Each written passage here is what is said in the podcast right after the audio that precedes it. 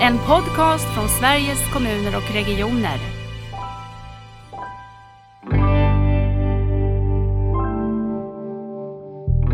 Och sen finns det fortfarande ett ganska stort stigma kvar vad det gäller eh, psykossjukdomar till exempel. Det är inte någonting man talar jättemycket om än. När de, om de får någonting överhuvudtaget så får de, de får mycket mindre, i mycket mindre utsträckning specialistvård eh, och de får i mycket högre utsträckning läkemedel och nästan, alltså väldigt, väldigt ovanligt med psykologisk behandling.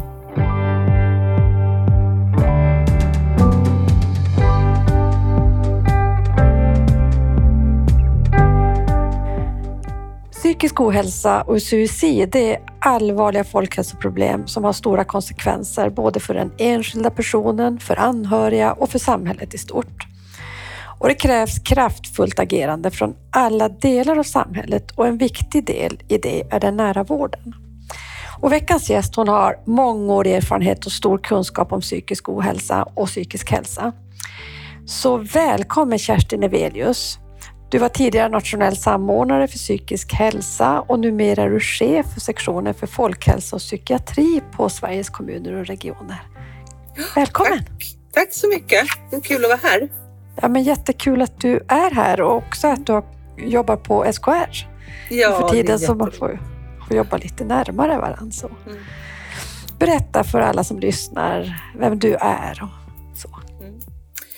Ja, jag heter Kerstin Evelius och det är som du säger, jag har jobbat med frågor som rör psykisk hälsa och ohälsa i hela mitt liv och på väldigt många olika ställen. Jag har jobbat i, mitt första jobb var ju 1996, eh, alltså mitt första riktiga jobb, det var 1996 och det var ju precis när psykiatrireformen trädde i kraft. Så att då jobbade jag med, att, eh, med en omställning i södra stadsdelarna i, eh, i Stockholm för att ställa om för att kunna från kommunens sida ta emot personer med, psykisk, eller med svår psykisk ohälsa. Då var det ju s- långvariga psykiska funktionsnedsättningar till och med. Det var ju liksom en väldigt, ganska liten grupp egentligen.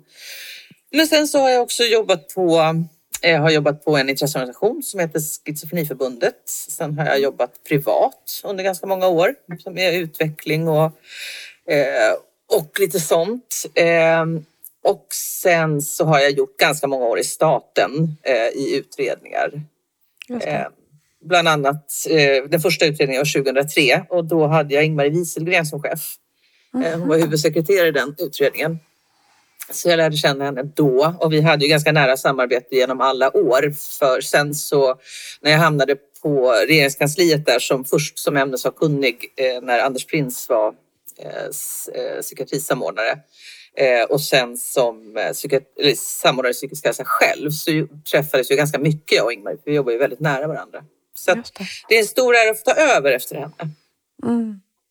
Och vi är ju väldigt glada att du tar över efter henne och att det här viktiga arbetet fortsätter på, på många olika sätt och med full kraft och det ska du få berätta lite mer om också.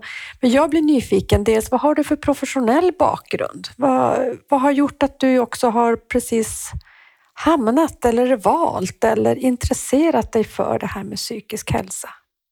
Ja, alltså min utbildning, jag gick ju psykologprogrammet eh, och, sen, och sen så gjorde jag aldrig någon PTP eller så där, utan då kom det här, alltså då kom den här möjligheten att leda. Jag var ju 25 år alltså. Jag ska säga, du måste leda- ung. Ja, jag var ung. Jag var ung på den tiden. Ehm, och, sen, och det där har jag intresserat mig för. Jag tycker om det här med, med att förstå statlig styrning, myndigheterna, eh, framförallt kommuner och regioner och hur man kan jobba med det. Eh, och det är ju också det är ett område som har genomgått en sån ohyggligt häftig utveckling under de här åren måste jag säga. För när jag började jobba med, med frågor om psykisk hälsa då var det lite skämmigt, alltså det var lite stigmatiserat ska jag säga. Att, att tala om att man jobbade med det och när jag jobbade på Schizofreniförbundet så kunde det vara sådär så att folk blev nästan ja, men, obekväma av att, eh, av att man pratade om schizofreni överhuvudtaget. Ehm, Eh, och fram till nu då när vi liksom inte nästan känner jag talar om annat än psyk. Ja, nu är det ju massa annat i luften, men vi, nu är det ju väldigt mycket vi talar om psykisk ohälsa Mm. och eh, på gott och ont ska jag säga. Ibland är det på gott förstås att minska stigma. Eh, ibland så tänker jag att det blir en slags eh, förklaringsmodell för allt som inte är trevligt. Eh, och det är inte så bra. Och sen finns det fortfarande ett ganska stort stigma kvar vad det gäller eh, psykossjukdomar till exempel. Det är inte Mm. någonting man talar jättemycket om än. Nej, det gör man inte. Det har du verkligen rätt i. Eh, är det, du säger än, du tycker att det är ändå någonting som också är i rörelse? Att vi pratar om den psykiska sjukdomen, den typ av psykiska sjukdomar som schizofreni eller psykos? Jag vet inte. Jag läste idag någon liten artikel i Aftonbladet. Tänkte men då tänkte jag faktiskt på så här, att fortfarande så, så talar vi inte så mycket om de här svåra psykiska... Och den tjejen som jag inte minns vad hon heter nu för det har jag bara ögnat igenom när jag såg det. Men hon sa att man tänker fortfarande att personer med schizofrenisjukdom eller psykossjukdom hade hon att vi är yxmördare. Så det, hon uppfattar det så i alla fall. Mm. Så kanske finns det mm. kvar, det stigmat. Jag vet inte. Mm. Men det här att vi ändå är mycket mer öppna. Unga människor berättar om sin eh, kanske ångestproblematik eller sin psykiska ohälsa. Hur har vi lyckats om vi ser det ändå som att vi i alla fall inte har ett stigma kring det? Mm. Vad, hur har vi lyckats med det? Vad är det som har gjort att vi ändå har haft en stark resa? Kring de här frågorna? Ja, men det där är lite svårt att veta. Jag har ju en massa spekulationer. Jag har ju sett den här utvecklingen. Det har ju du också. Vi har ju sett den här utvecklingen genom mm. vårt liv. Hur, mm. min, min morfar skulle aldrig ha talat om att han hade ångest, men det är ju inga Nej. som helst konstigheter med att säga att man har ångest inför ett prov. Så jag tror att det är delvis en, en det är en värdeförskjutning och kanske en begreppsförskjutning också i att, mm. eh, att ångest betyder inte samma sak. Alltså en klinisk ångest är kanske inte är samma sak som ångest inför ett prov och sådär. Så det blir någonting att vi använder andra ord. Men även vad det gäller diagnoser så har ju det blivit, har ju det blivit eh, mycket vanligare. Jag tror att det där handlar lite om att man, man söker mer och då är det fler som får eh, en diagnos och då blir det mer, eh, mer mm. normalt att, att ha mm. en diagnos. Och idag är det ju Alltså jag tror att vi, jag jobbade, jag ska säga, det är också att jag jobbade i Region Uppsala och har jobbat i Region Uppsala de sista fyra åren. Jag tror att det var bland tonåringar så var det uppåt 10 procent som hade kontakt med barn och ungdomspsykiatrin. Och då är det ju en folkhälsosjukdom. Alltså då är det ju verkligen, verkligen. en stor sjukdomsgrupp. Oj, och så är man barn och ung då, så tänker man mm. att, att, man har ett lång del av livet kvar. Jag bara tänker kring det här med att vi pratar mycket mer öppet och, och intresserar oss för den psykiska hälsan på ett annat sätt, har ju kanske också att göra med att berättelser berättas på ett helt annat sätt idag med det digitala, mm. de digitala plattformarna som vi inte bara hade för 10-15 år sedan. Många pratar med många och då får man en annan ett annat samtal. Sen beror det säkert på mycket annat. Medvetenhet, det har ju ändå jobbats från dig och många andra just för att ta bort stigma också. Man får mm. inte underskatta att det spelar roll att eh, stat och kommuner och regioner jobbar medvetet med saker. Mm. Precis. Jag tänker det här med omställningen till nära vård och relationen till eh, den psykiska hälsan och det arbete som görs inom psykisk hälsa. Hur kan du beskriva den? Vad vad är din relation till omställningen till nära vård? Och vi börjar där. Ja, men jag har ju en oerhört, eh, oerhört eh, intresse för nära vårdomställningen som jag nästan har för allting. Eh, ju, som, för allting har med psykisk hälsa att göra. På något sätt så är det nästan mm. så. Eh, och just nära vårdomställningen tycker jag är jätteviktig för utvecklingen på det här området. Därför att eftersom att det har varit väldigt stigmatiserat och sådär så har inte så tror jag liksom att man har varit sen att söka för sina psykisk ohälsa. Och så där. Då har specialistpsykiatrin varit nästan det enda som har funnits. Så, mm. och jag tror att man liksom tidigare, jag kommer ihåg när jag jobbade 2003 så tittade jag på, på så var mitt ansvar i den här utredningen, det var att titta på arbete och sysselsättning och då, då var ju merparten av sjukskrivningarna var ju för eh, ont i ryggen eller ja, muskel, vad det nu heter, mm. värkproblematik.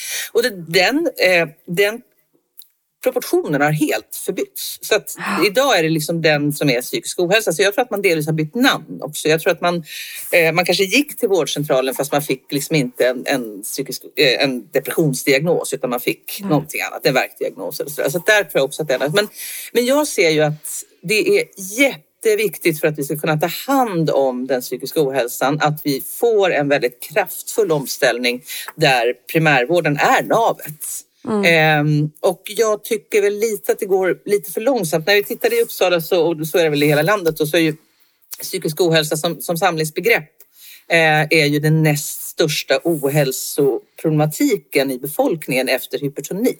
Så det är ju mm. ingen liten grupp och det finns ju en sån här studie också från förr. Den är väl inte supervälgjord men jag tror att den har ändå eh, att, den har, att den har en viss relevans och sanning i sig att eh, ska säga, var tredje på en på, var tredje sökande på vårdcentral har en psykisk ohälsa även om det inte är därför man söker. Nej, precis. Eh, och det finns ju också, det finns ju jätte, och liksom det är det som verkligen gör det så viktigt att få in det här i primärvården och bli bra på det. Därför att det finns ju också väldigt hög samsjuklighet mellan till exempel depression och hjärtproblematik, KOL och ångest, diabetes och depression. Så det, det finns väldigt mycket som, det är väldigt viktigt att vi får den här omställningen och att vi kan använda oss av och verkligen dra nytta av primärvårdens logik eh, Mm. när det gäller att behandla psykisk ohälsa. Mm. Jag tänker också hela det här relationella som ändå spelar roll i, i väldigt många sjukdomar, men inte minst om man känner att man har en psykisk ohälsa. Där primärvården måste få bli den som har på något sätt den kontakten, att vi känner oss trygga med det som invånare också. Att det är, det är här jag söker, det är här jag har min kontakt. Det är här jag kan få en relation, det är här jag kan få ett svar. Eller få en dialog. Precis. Och där är en ännu större utmaning skulle jag säga när det gäller barn. För där har det ju utvecklats i landet på många ställen så har det utvecklats någonting som vi kallar för första linjen som blir som en Mm. egen liten lina. Mm. Ehm, och det, där, det finns en massa fördelar med det eh, och det kanske var ett, ett steg som var rätt att ta när, när vi började prata om det kanske för tio år sedan. Men det som jag ser det är att även, för, även föräldrar och deras barn måste kunna gå till sin hälsocentral eller sin vårdcentral och få hjälp även med tillstånd som rör psykisk ohälsa. Eller som man inte vet. Ont i magen, vad är det för någonting? Är det, är det något somatiskt eller är det någonting psykiskt? Det där, jag tror att vårdcentralen måste bli navet. Det där tycker jag är otroligt viktigt när du säger det här. Det är ju inte så att jag ska behöva tänka, har jag en psykisk ohälsa eller är det en fysisk? Var ska jag nu vända mig? Utan det måste ju vara relationen till att jag inte mår bra. Den kan Ja. ju ge uttryck på olika sätt och att jag inte har olika ställen som jag ska orientera mig till utan att vi på något sätt finns där för människor Ja. som behöver. Och sen så hör det där ihop, kropp och själ hör ihop och vi kan ju inte Ja. hålla på att separera det. Nej, det gör det. Och det där blir också... Det där såg jag när jag kom till Uppsala, för då gjorde... Jag började med att göra en liten utredning och ta fram en strategi för barns psykiska hälsa. Och då såg jag att jag tror att det fanns fem eller sex olika ingångar om du var und, eller und, ja, lite beroende på, det var lite olika åldrar också. Men alltså för unga upp till 23-25 så där så fanns det fem eller sex olika ingångar som du kunde söka. Det fanns ungdomsmottagningar, unga vuxenmottagningar, BUP, vissa det. vårdcentraler, första linjen. Alltså det fanns lite allt möjligt och det där gör det ju också oerhört stökigt eh, för en som vårdnadshavare eller patient att, att hitta rätt. Mm. Men berätta lite mer om det du gjorde i Uppsala. Du har så många trådar nu i ditt samtal så Ja. jag tänker åh, jag ska bara komma ihåg de här för jag vill att vi ska ta upp många saker. Men tänk, berätta, vad gjorde du i Uppsala? För det är ju det närmaste kopplingen också till eh, nära vårdarbetet så där rent praktiskt. Eh, vad, vad var ditt uppdrag där? Eh, mitt uppdrag där var att först ta fram en strategi för, eh, eh, för barns psykiska hälsa. En långsiktig strategi. Så det, och där var ju verkligen allting med ifrån. Dels liksom allt ifrån en strategi för kö, eller en målsättning om köfri vård på BUP, för det är ju helt avgörande för att vi ska kunna ge bra vård. Men också till eh, att, att jobba med förebyggande främjande och insats för att barnen ska klara skolan. För det är ju en sån oerhörd vattendelare för det framtida hälsoutfallet att klara Mm. skolan. Eh, Så där har vi ett egenvärde där vi alla måste hjälpas åt att, att liksom ha det i fokus. Och det spelar ju ingen roll om du har en svår psykisk sjukdom eller en lättare psykisk sjuk- sjukdom. Men, men att klara skolan är fortfarande någonting som kommer att påverka resten av livet om du inte gör det. Eh, Mm. Så, att, så, att, så det var all, och så allt däremellan egentligen. Väldigt mycket tog vi, tog vi spjärn mot där, eh, mot den här omställningen till nära vård och hur vi skulle kunna jobba med den. Men den strategin den innehöll då många olika aktörer om jag så säger Ja. för den ungas hälsa. Mm. Ja, precis. För det är, så, det är så är det ju med psykisk ohälsa. Det spelar nästan ingen roll. Ja, det är rena depressionstillstånd så är det kanske inte så. Men annars är det väldigt mycket så att vi måste hela tiden jobba tillsammans mellan eh, kommuner och regioner. Vi kommer nästan inte undan det. Och det som är, det här är en sån grej bra som, en bra grej som, som Ingmarie gjorde som hade verkligen koll på de här grejerna. För att där man gör vårdprogram i vanliga fall inom kunskapsstyrningen så har ju Ingmarie och gänget med, med eh, nationella programområdet för psykisk hälsa. De har ju tagit fram vård och insatsprogram där även insatser från skolan och socialtjänsten eller eh, no, olika delar av, av kommunen är med. Mm. Eh, Otroligt är, viktigt. Det där är ja. jätteintressant och skulle man också behöva på andra områden. Ja, jag. Jag, jag. tror det. Jag tror det. Ja. Vi jobbade i Uppsala på, vi kom precis igång och började jobba jätte, jättemycket med eh, ett vård och insatsprogram för ADHD för barn.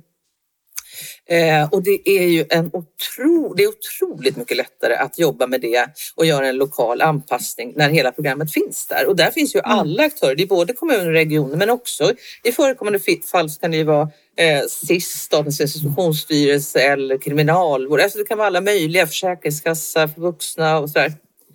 Eh, så att de är Kom. jättebra de där. Det är typiskt Ingmarie, väldigt före sin tid och väldigt förmögen att se den stora bilden den stora bilden och göra det mm. konkret. För det handlar ju också om att se den stora bilden och göra någonting av den.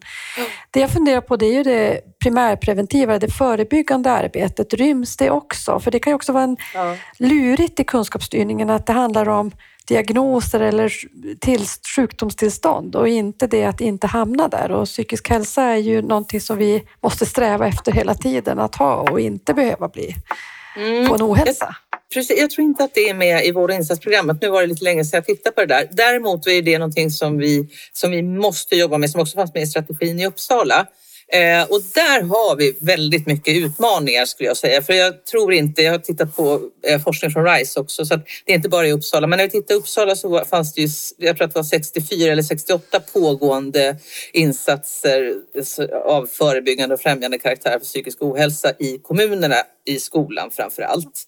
Eh, och det kanske finns tre olika metoder som har någon typ av vetenskapligt stöd. Så det var eh, högt och lågt och samverkan och små projekt och allt möjligt.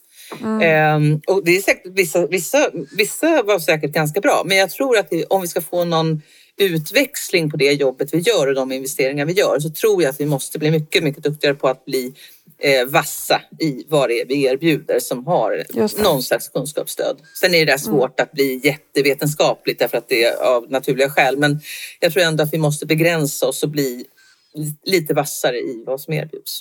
Mm. Jag träffade ju dig, jag vet inte om du kommer ihåg det, när just Upps det var ganska ny i Uppsala då och jag var mm. på någonting som, som de arrangerade där kring omställningen till nära vård och då har jag för mig, men det här är ju nu några år sedan, att du fick uppdraget att också titta på stegvis vård eh, som kom från Anna Nergårds utredning. Ja, Mer precis. generellt, gjorde du mm. det också? Eller? Ja, för sen var ju nästa steg att ta fram en strategi för vuxna. Och mm. där var ju stegvis vård en jätteviktig del.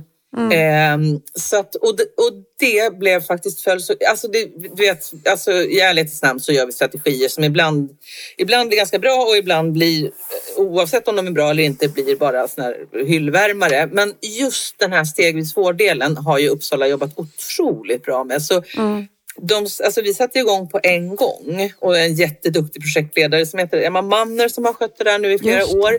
Ja, hon är superduktig, nu har hon en annan tjänst men hon fortsätter jobba med det där där, man har, där de har faktiskt, vilket jag tror är viktigt, de har jobbat med primärvården, tagit fram, liksom haft en väldigt nära dialog med vårdcentralerna eh, och tagit fram bästa tillgängliga kunskap vad det gäller just stegvis vård, precis utifrån det som Anna Nergård skrev. Så att just, just den modellen, det är exakt den de använder och sen har de fyllt den med bästa tillgängliga kunskap eh, och jobbar med, nu med implementering Eh, där mm. på också, de har börjat med tio modellvårdcentraler eller sådär men, men eh, de fortsätter och, eh, och, och, och där fanns, det ska vi säga, det fanns också, jag hade själv faktiskt förmånen att, att intervjua alla vårdcentralschefer det var under pandemin så man hade en massa tid eh, på ja, sina händer och sådär. Ja.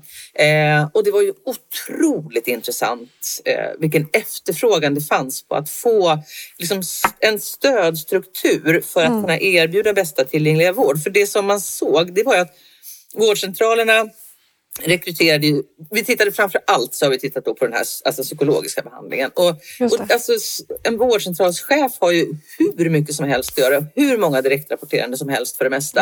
Ja. Eh, så att den här liksom att, att bara att rekrytera var ju så här, jag hoppas jag får tag på dem. Man, man konkurrerar med varandra och man hade lite, många hade lite oklart för sig vad, vad den här deras psykologer hade för inriktning och sånt där. Så att det fanns en jättestor efterfrågan på en stödstruktur för mm. det här. Och det är precis den de bygger upp i Uppsala och jag tror att det är det som är framgångsfaktorn. Därför att det, jag tror att det är det här som jag, som, som jag tänker, det, Alltså omställningen till nära vård handlar ju inte om att bara dumpa en patientgrupp på en vårdcentral. Det är inte Nej, så det funkar. Inte.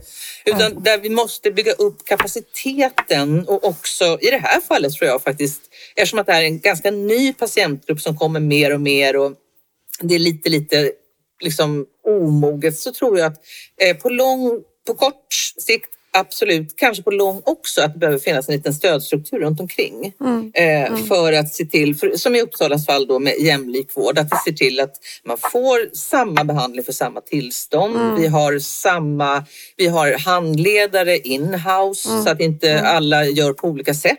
Och, och, alltså man håller sig till vetenskap och prövad erfarenhet. Ehm, och uppföljning. Och där jobbar de mycket med uppföljning på individnivå för att se utfall av behandlingen. Ehm, vilket är inte alls särskilt vanligt, men jag tror är jätteviktigt för att se. Och, där ska man komma ihåg att, att det är inte alls så i de här allra finaste RCT-studierna att alla blir bra, utan det är, jag tror att det är 50 procent eller 60 procent eller någonting sånt där. Och även när man tittar i större grupper i England. Ehm, och det där behöver vi jobba mer med, att få bättre utfall. Mm. Det, Nej, jag, tycker, ja. det är jätteintressant. Dels tycker jag att Uppsala har varit duktiga för att de har ändå tänkt bredd när de har gått in i olika saker. Tänkt att mm. vi testar men vi vill också att det här ska vara någonting som alla invånare kan få ta del av om det faller väl ut. Så man inte mm. låter det bara vara projekt på olika ställen. Men sen det du säger kring stödstruktur. Jag tror att det, vet, alltså följer man evidens hur man ställer om och transformerar stora komplexa system så behöver de ju finnas Eh, beställda ifrån linjen, men de behöver en stöd för att kunna verkligen bli transformativa. Eh, för ja. det är inte så lätt att transformera sig själv på en egen vårdcentral och så blir det olika. Mm. Så det, det finns ju någonting i det där och kanske skulle man eh, faktiskt ha med eh, någon som har arbetat, eh, Emma eller någon eh, vårdcentral i podden någon gång och lyssna mm. på hur de har gjort då. Få vara en inspiratör. Absolut, det tycker jag. Jag, jag tänker också, eh, när bara vi har hunnit prata lite grann med varandra så här i fikarummen på SKR, att det som nu görs på, för den psykiska hälsan också blir en väldigt mycket viktig fortsatt språngbräda för utvecklingen av nära vård. För mm. om vi verkligen ska göra på ett annat sätt i primärvården, låta primärvården bli navet, så måste dels hela systemet stödja den tanken. Och det är inte bara att dumpa saker på primärvård, utan det handlar om att, att uh, hitta andra sätt att arbeta. Och, mm. Så jag tycker det är lite spännande att tänka att vi också går nära varandra från din enhet och sektion och från den sektion som jag tillhör som är hälso och sjukvård, just när det gäller nära vård och den sättet att mötas kring psykisk hälsa? Ja, jag tänker att det, är, det ska bli jätteroligt att göra det. För att jag tänker också så här, det är väldigt ofta som jag tänker så eftersom jag jobbar med det här så länge, att nästan vad man än vill, vill eh, göra, eh, testa eller pilota eller vad som helst, så är nästan alltid psykisk ohälsa bra. För det är en stor grupp, men det är inte en jättestor grupp. Så är det nästan alltid. Och, och, i det här fallet så är det ju liksom, det finns ju många delar av det här som jag tror verkligen verkligen på alla sätt och vis hör hemma som i, i eh, nära, om, eller nära vårdomställningen. Och det är dels det här som vi pratar om nu, att, liksom, att, att säkerställa att vi, att vi kan bygga resurser för, för den stora, stora gruppen med psykisk ohälsa som också är den som driver sjukskrivningar och mm. problematis- eller gör, ställer till det i kompetensförsörjning och så där. Det där är en jätteviktig del. Men sen så har du också, som, som vi pratade om med, med barnen, som, som mm. till exempel eh, alltså barn med neuropsykiatriska funktionsnedsättningar som har ganska mycket insatser från skolan men som också behöver, och de behöver ju också funka med hemmet. Eh, och där måste det också finnas, även om vissa delar kanske måste göras av, av specialistpsykiatrin, så tänker jag att det är ju för, för familjen så är det ju otroligt viktigt att man kan få sin hjälp vanligtvis på sin lokala vårdcentral. Att man inte måste sitta och och konka iväg till någon specialistmottagning någonstans utan att Nej. man kan få den på sin vanliga vårdcentral så långt det är möjligt. Och, så. Mm. och där måste det också finnas ett samarbete med skolan runt barnet och det är jättesvårt med en central enhet. Så. Eh, mm. Eh, sen har vi också den, den, inte så stora gruppen med, men med ändå ändå en substantiell grupp med, med långvarig psykisk funktionsnedsättning som har jättemycket insatser från, eh, från ofta eh, funktionshinderenheter eller från socialtjänsten eller sådär. Eh, där vi också måste få ett jättebra samarbete mellan hälso och sjukvården och eh, de kommunala insatserna och det har man ju hållit på med jättelänge. Mm. Eh, och på många ställen funkar det väldigt bra för att man har en lång rutin men där behöver vi nog komma vidare och med lite innovation och förändring och och att bli lite mer eh, eh, att bli lite, lite vassare i relation till att det, det, är en ny grupp såklart som kommer nu. Alltså schizofreni brukar ju drabba, drabba ju vanligtvis unga vuxna och det är en ny grupp unga vuxna. Jag tror att vi kanske ja, måste se över hur vi hanterar, alltså vad har vi för utbud av till exempel mm. sysselsättning och Eh, mm. arbetsrehabilitering och sådana mm. saker. Så, ja, det där är ju intressant. Befolkningen förändras ju. Våra för, alltså vårat, eh, vårat sätt att relatera, jag tänker på det här med hela det digitala också, förändras ju. Det är klart att vi måste också fundera på, det är en ny grupp unga vuxna som också insjuknar i de här sjukdomarna. Vad, mm. vad betyder det? Det är ju jätteintressant. Mm. Eh, och sen ja. så äldre förstås med, med samsjuklighetsproblematik. Det är ju fortfarande en grupp, en generation som inte talar så mycket om sin psykiska ohälsa. Eh, men som vi vet att när de, om de får någonting överhuvudtaget så får de, de får mycket mindre, i mycket mindre utsträckning specialistvård. Mm. Eh, och de får i mycket högre utsträckning läkemedel och nästan, alltså väldigt, väldigt mm. ovanligt med psykologisk behandling. Mm. Ja, där har vi haft med Johnny Pella som har forskat lite ja. grann på det där ja. från Västmanland. Det är jätteintressant ja. och också en intervention eh, via telefon, att man faktiskt också kan nå människor på andra sätt om man tycker att resurserna inte räcker till till att bara mötas på, på platser och i hus. Mm. Eh, jag tänker också på ett annat uppdrag som eh, kommer från Peter Almgrens utredning, det här hälsoprogrammet för barn och unga. För det är ju inne mycket på det här med barn och unga och, och hela det som egentligen är nära vårds ska säga, förhållningssätt eller inriktningar, personcentreringen, det sammanhållna, många spelare på, på planen men också det proaktiva. Hur tänker du eh, kring det hälsoprogrammet? Hur kan vi jobba bra med det? Eh, för där har ju flera, det är många myndigheter som har uppdraget här. Precis, det där är roligt. Jag tycker att det blir eh, det är så kul med när många myndigheter får uppdraget. För vi har ju haft en tendens att, att styra väldigt mycket i stuprör. Att liksom alla stuprör, de uppstår inte i kommuner och regioner. De uppstår långt innan, ofta på regeringskansliet. Just det. Eh, så, så jag tycker det där är jätteroligt. Nej, men vi kommer att ha en, eh, vi, kommer, vi har, har en arbetsgrupp här på SKR och vi kommer att jobba nära de som jobbar med själva det arbetet på Socialstyrelsen för det är de som håller i det och sen är det flera myndigheter med. Och jag tänker att här har vi verkligen all, alla möjligheter att hitta ett jättebra brett samarbete. Eh, och, och, en viktig sak med det eh, faktiskt, det är ju dels att det blir bättre förstås. Det blir bättre resultat mm. om vi samarbetar, om alla liksom kommer med sin, eh, sin lilla smarta, eh, sina som smarta inspel. Men en sak som jag blev så plågsamt medveten om när jag jobbade i Region Uppsala, det är också hur de här eh, stuprören som uppstår med olika satsningar och olika begrepp och olika sådär, eh, hur förvirrande det blir när man kommer ut i verksamheten och så Precis. plötsligt så landar det ju ner, alltså jag har ju mest, mest sett mina psykade, psykisk hälsa-satsningar och sådär och jag vet vad de heter och så men sen kommer man ut och då finns det, ja men där finns det ju mycket satsningar som helst och man förstår till slut inte vad som hör till vad och så. Så att jag tänker att det som är utmaningen för oss och myndigheterna nu det är att det här ska bli enkelt för våra medlemmar att fatta och ta till sig så att vi inte kommer i olika stuprör och vid olika tillfällen och pratar om olika saker och så Nej. och sätter nya namn på det utan att vi, liksom, att det blir, att vi ser till att det blir väldigt enkelt för våra eh, medlemmar att, att använda sig av det här. Så mm. vi inte knölar till det och att säkerställa att det inte blir en massa administration som man, som man inte klarar av där ute. Så, där. så att vi har en jätteviktig uppgift där. Jag delar helt den bilden, för det var också min bild från Region Norrbotten. Mm. Och det finns ju också en risk då att alla de goda ambitioner som någonstans formuleras och som eh, diskuteras eh, ganska långt ifrån regioner och kommuner, eh, när de ska landa ner och man inte kan egentligen se sambanden, då kan det finnas risk att det blir lite mer, då gör vi som vi alltid har gjort. För man ja. förstår ju heller inte vad drivkraften är. Så att, att kunna samla sig är ju otroligt viktigt. Ja. Ja, för det blir som, jag tror att du känner igen det, att det bara liksom ramlar ner en massa sköna initiativ som konfetti och var börjar man ens? Och, och Ja. någonstans är det också som att all omställning, verkligen som du var inne på tidigare, måste ju också börja med en efterfrågan.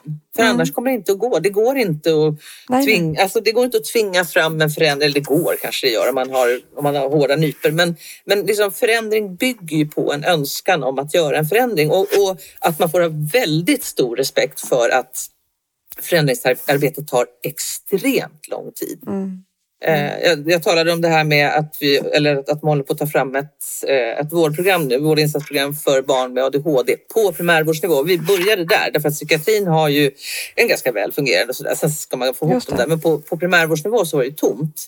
Eh, och jag räknar faktiskt med när jag tittar på det att alltså det är superduktiga människor som jobbar med det där. Men jag räknar med att det kommer att ta ett par, tre år innan det är implementerat och klart. Ja. Bara den processen kommer att ta Ja. sån tid. Eh, och det där måste man ha väldigt mycket respekt för. Eh, jag. Det där tänker jag är så otroligt viktigt också om man nu på allvar menar att man ska, vi ska ställa om vår hälso och sjukvård så man får någonting som är mer nära människor.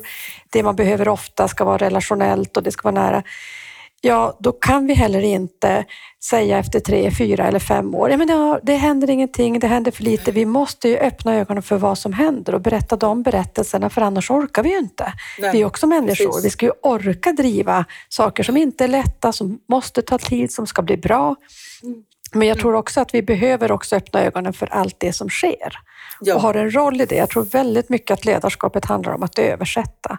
När vi nu gör det här i Uppsala så tar vi ju steg i den riktning vi behöver driva hälso och sjukvården och omsorgen eller vad vi nu jobbar med i. Att vi har ett jättestort och viktigt arbete att göra där. Och att ledarskapet eh, har en särskild roll i det såklart. Ja. Att, att översätta och berätta precis. berättelserna. Ja, och att, och att vi också blir tydliga med nu pratar vi psykisk hälsa och det är en del av omställningen. Vi pratar Ja. inte psykisk hälsa för sig självt, för det är en del av Nej. omställningen. Så det är Precis. liksom nära vård som ändå blir, tänker jag, navet i på något sätt vad som ska, behöver göras. Där Ja. psykisk hälsa är en del och det finns massa andra delar. och mo- Svårt sjuka äldre och allt vad det. Det finns massvis med delar. Men alltihopa handlar om att för patienten få till en, en vård som är nära och med kontinuitet. Och, och Precis, så. och som är personcentrerad så att det Ja, inte är en ja. tjänst som ska passa precis alla. Nej, precis.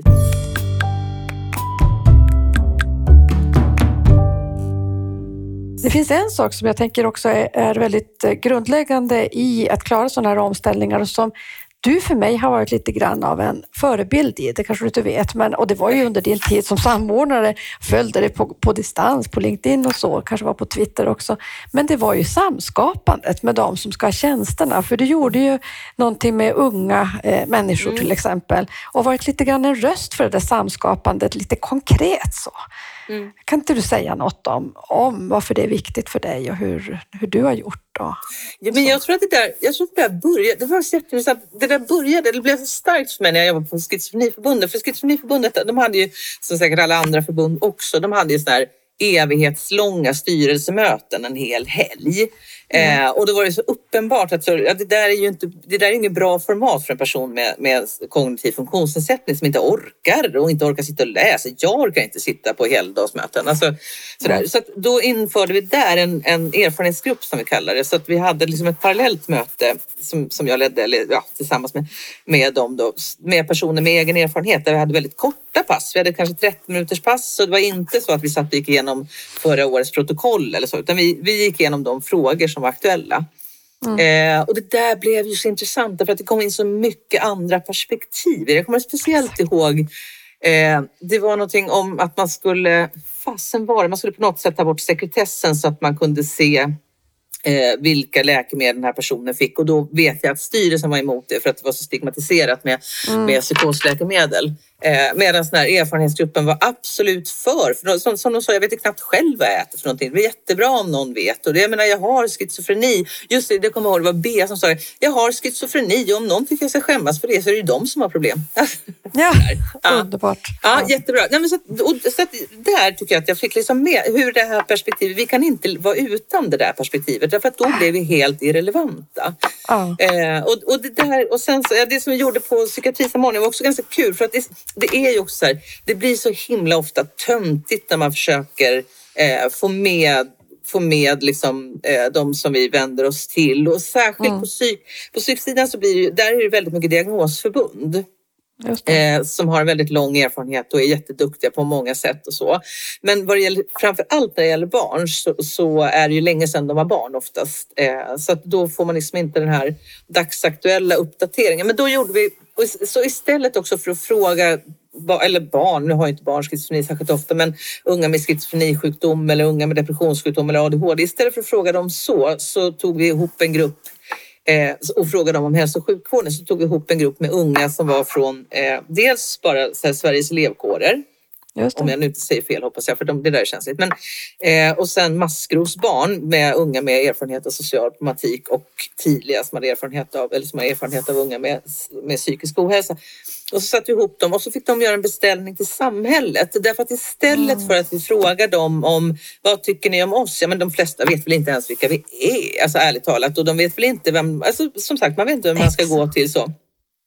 Så då fick de bara liksom göra en beställning till samhället vad de ville ha och då var det ju så, allt ifrån så här, som jag tycker var så himla tankeväckande det var ju så här, närvarande vuxna var en sån del som man ville ha. Mm. Och det är ju ingenting som vi kan bistå med från, från liksom kommun eller region eller sådär. Alltså för vi måste nog ha respekt för att det finns ett annat ord. Men sen var det också sådana saker som en närvarande elevhälsa eh, och eh, vad var det mer de ville ha? Eh, psykisk hälsa på schemat som jag kanske inte tycker då, men det tyckte de. Ja. så. Ja, så gjorde vi den och sen så också och sen så fortsatte vi. Det där var en så himla bra erfarenhet för att tycker jag, för att det var också dagsaktuellt. Och sen gjorde jag faktiskt mycket tyngre då en utredning om tvångsåtgärder mot barn och där, eh, där hade jag en där valde jag att inrätta en expertgrupp med unga med egen erfarenhet av tvångsvård och tvångsåtgärder som träffades fyra gånger. Vilket, gjorde det, vilket var jätteintressant därför att då, det blev en väldigt stor skillnad mellan det som vi pratar om som barnperspektivet, det som FN pratar om och så, Precis. och barnets perspektiv. Det var inte mm. samma faktiskt. Eh, och där tycker jag, det där tycker jag är intressant. Det där vill jag problematisera. Att jag tycker att ibland så, alltså att, vi, att vuxna och, och liksom att man på någon slags här, helt abstrakt sätt tar patent och tar över barnens röst eh, mm. i någon slags eh, så här, det här är rätt och riktigt. Men vi lyssnar inte på barnen. Eh, så, ja, jag tycker det där är jätteviktigt nu när alla pratar om, också om att få in barnperspektivet. Vi måste få in barnens perspektiv. Ja, och det där är ju så grunden också, tänker jag, hela omställnings Eh, förändringen att det är inte som det var när jag läste till sjuksköterska på 80-talet, patienten i centrum eller ja, jag har patient, eh, patientperspektivet. Nej, det är personens perspektiv och ja. att ta det, det är någonting mm. helt annat. Mm. Precis. Men eh, jag tyckte att beställning till samhället var superintressant. Att ha, mm. att ha det tänket så öppet. Mm. För annars så styr vi ju ja, också vi gör gärna. Det. Mm. Och det där är så roligt för där har ju, har ju Region Uppsala eh, har, ju fått, eh, har ju fortsatt med det där och kört hårt med det där i, eh, i Tierp Älvkarleby. Och då blir det så himla intressant för, för en som kommun och region. Eh, för att bland annat en sån här sak, för då, då har man ställt frågan till eh, högstadie och gymnasieelever både i workshops och på alla möjliga olika sätt eh, vad som är viktigt för deras psykiska hälsa. Och då kommer det fram så här som kollektivtrafik till exempel. Det är inte vården, ingen pratar om vården. Nej. Utan Nej. det är kollektivtrafik eh, är viktigt. Aha, varför det? Det blir man ju nyfiken För att de ska kunna träffa sina kompisar. För det är ju svindyrt för de där. Nu har de ändrat på det i Uppsala tydligen, så det är jättebra. De har ju lyssnat på det där. Men det var ju svindyrt för de där i norra eh, länsdelarna att ta sig in till Uppsala. Det är inte så himla långt, men det var så många zoner så att det blev så dyrt. Just. Eh, mm. Och sen också liksom att kunna ta sig till fritidsaktiviteter och bussarna där ute kanske slutar gå vid sju eller någonting sånt där. Mm. Eh, de vill också ha gratis aktiviteter, alltså så aktiviteter som inte, alltså man vill kunna spela fotboll utan att eh, liksom ja, betala. det kostar massor. Ja, precis. Och behöva träna varenda gång och sådär. Alltså det, ja, det var mycket intressant att ta fram det. Det bästa var dock, det var faktiskt det bästa, det var att de ville ha en biltema i Tierp. Eh, en vad? En biltema? Biltema, en biltema. Ja, precis. Huset ja. Bild, eller varuhuset? Ja, ja varuhuset. Ja, och då, grejen är, det där är så kul för det finns någonting i det där. För det blir som att det där kan man bara avfärda. Men, nej, men vad de säger är väl att de tycker det är kul att hålla på med sina EPA-traktorer ja. och håller, behöver kanske lite hjälp med det och så. Och sen nämnde de också att det fanns korv för fem kronor. Så då tänker jag så här, varför bygger vi inte då upp någonting där de kan få hålla på med sina EPA-traktorer med lite ja. hjälp och stöd? När det också finns korv för fem spänn. Det kan, alltså, så det finns så mycket att hämta i om man bara ställer frågan, vad behöver du? Ja, men precis. Jag blir ändå nyfiken. Du sa att eh, de vill ha psykisk hälsa på schemat i skolan och det tror inte du. Varför inte det? Mm. Nej, så inte, alltså inte egentligen. Det skadar säkert inte alls. Det är bara det att jag har ju ett perspektiv till som vuxen och det är att jag, jag tänker på att skolan är ju liksom, skolan är överbelamrad med saker mm. som de ska göra. Eh, och, jag tänk, och, och det, liksom, det finns, tycker jag, hos, hos nästan alla aktörer runt omkring skolan så finns det ju någon någon reflex att, att liksom peta in allt möjligt som jag tycker barnen ska. Det var ju någon som hade, de tyckte man skulle ha beredskap, eh, beredskapsträning från årskurs ett eller vad det var för någonting. Och ja, grejen är, jag tror att det där är superduperbra, men skolan är ju de facto till för att ungarna ska lära sig läsa och skriva och klara skolan och kunna mm. få ett jobb och sådär. Jag tror att det finns andra sätt att jobba med. Det där är ju mm. det som jag skulle kalla då för hälsoliteracitet, att man lär sig vad, vad är, alltså vad kan jag göra själv, egenvård, eh, vad är psykisk ohälsa, när ska jag söka hjälp och var ska jag söka hjälp? Det där behöver vi verkligen jobba med. Men jag tror inte att skolan är den arenan. Alltså det, det är så överfullt där som det är. Jag tror att vi får jobba på andra sätt. Mm. Du, om du tänker så här, vad är de absolut viktigaste frågorna för eh, psykisk hälsa om du tittar framåt? Vad är det, det du som har satt på din agenda? Ja, det, det, är egentligen det är tre dimensioner som jag tänker i och det ena är att bli effektiva i förebyggande och främjande arbetet. Eh, och där, alltså, där vi, vi pratar så mycket om det så att det har blivit nästan ett abrakadabra tycker jag. Mm. Eh, och där, måste bli, alltså där tänker jag att vi som SKR också säkert kan hjälpa till och liksom, tillsammans med, med kunnigare människor än jag, men forskning och så, att liksom verkligen titta på vad är det som visar sig ha effekt när det gäller förebyggande och främjande insatser. Och sen kan vi stötta så att man kan liksom arbeta med det. Och då tänker jag att då vore det väl jättebra också om, om kommuner och regioner, alltså inklusive skolor och alla som nu har ett uppdrag, istället för att vi jobbar var och en för sig i korta små satsningar, att vi gör större satsningar på det vi vet har effekt tills vi vet någonting annat. Eh, den, Tänker den du samhällsövergripande satsningar, typ eh, hela Sverige satsar på några saker eller vad tänker ja, du? Jag tror, att det mm. fann, jag tror att senast jag tittade nu så fanns det tre tre interventioner som hade stöd på någon slags mer mm. universell nivå. Mm. Eh, och då är det väl det vi ska försöka hålla på med, tänker jag. Sen är vi inte det hundraprocentigt och vi behöver alltid mer forskning och så, men att vi, att vi samlar ihop oss när det gäller förebyggande främjande. Och där tror jag fortfarande att projektstyrningen är helt förlamande och det vi mm. måste få bort projektstyrningen tyvärr. Mm. Det är bara så. Eh, eh, och sen också, och sen har vi hela den här hela den här mer liksom primärvårdsdelen där vi har jättemycket att jobba med men där jag tror att idag så är det fullt möjligt och det finns på många ställen en efterfrågan både hos, mm. hos befolkningen och hos professionen och sådär. Mm. Men liksom det är mer hur, så att, så att vi är rätt rustade i primärvården för att jobba vidare. Och sen så har jag också den här sista gruppen, den här lite mindre gruppen de med långvariga psykiska funktionsnedsättningar, alltså svåra psykiska sjukdomar som jag tycker på riktigt att vi inte har vi har inte kommit så himla långt som jag skulle önska Nej. med våra insatser till dem. Vi är inte långt ifrån där vi var 1996 när jag började jobba med det här. Eh, och det här är ju en ganska liten grupp, men en oerhört utsatt grupp som många gånger lever i fattigdom såklart för att man blir sjuk innan man får SGI och så. Mm. Eh, och sen också dör 20 år tidigare på grund av mm. somatiska Eh, helt vanliga somatiska, alltså mm. välfärdssjukdomar och sådär.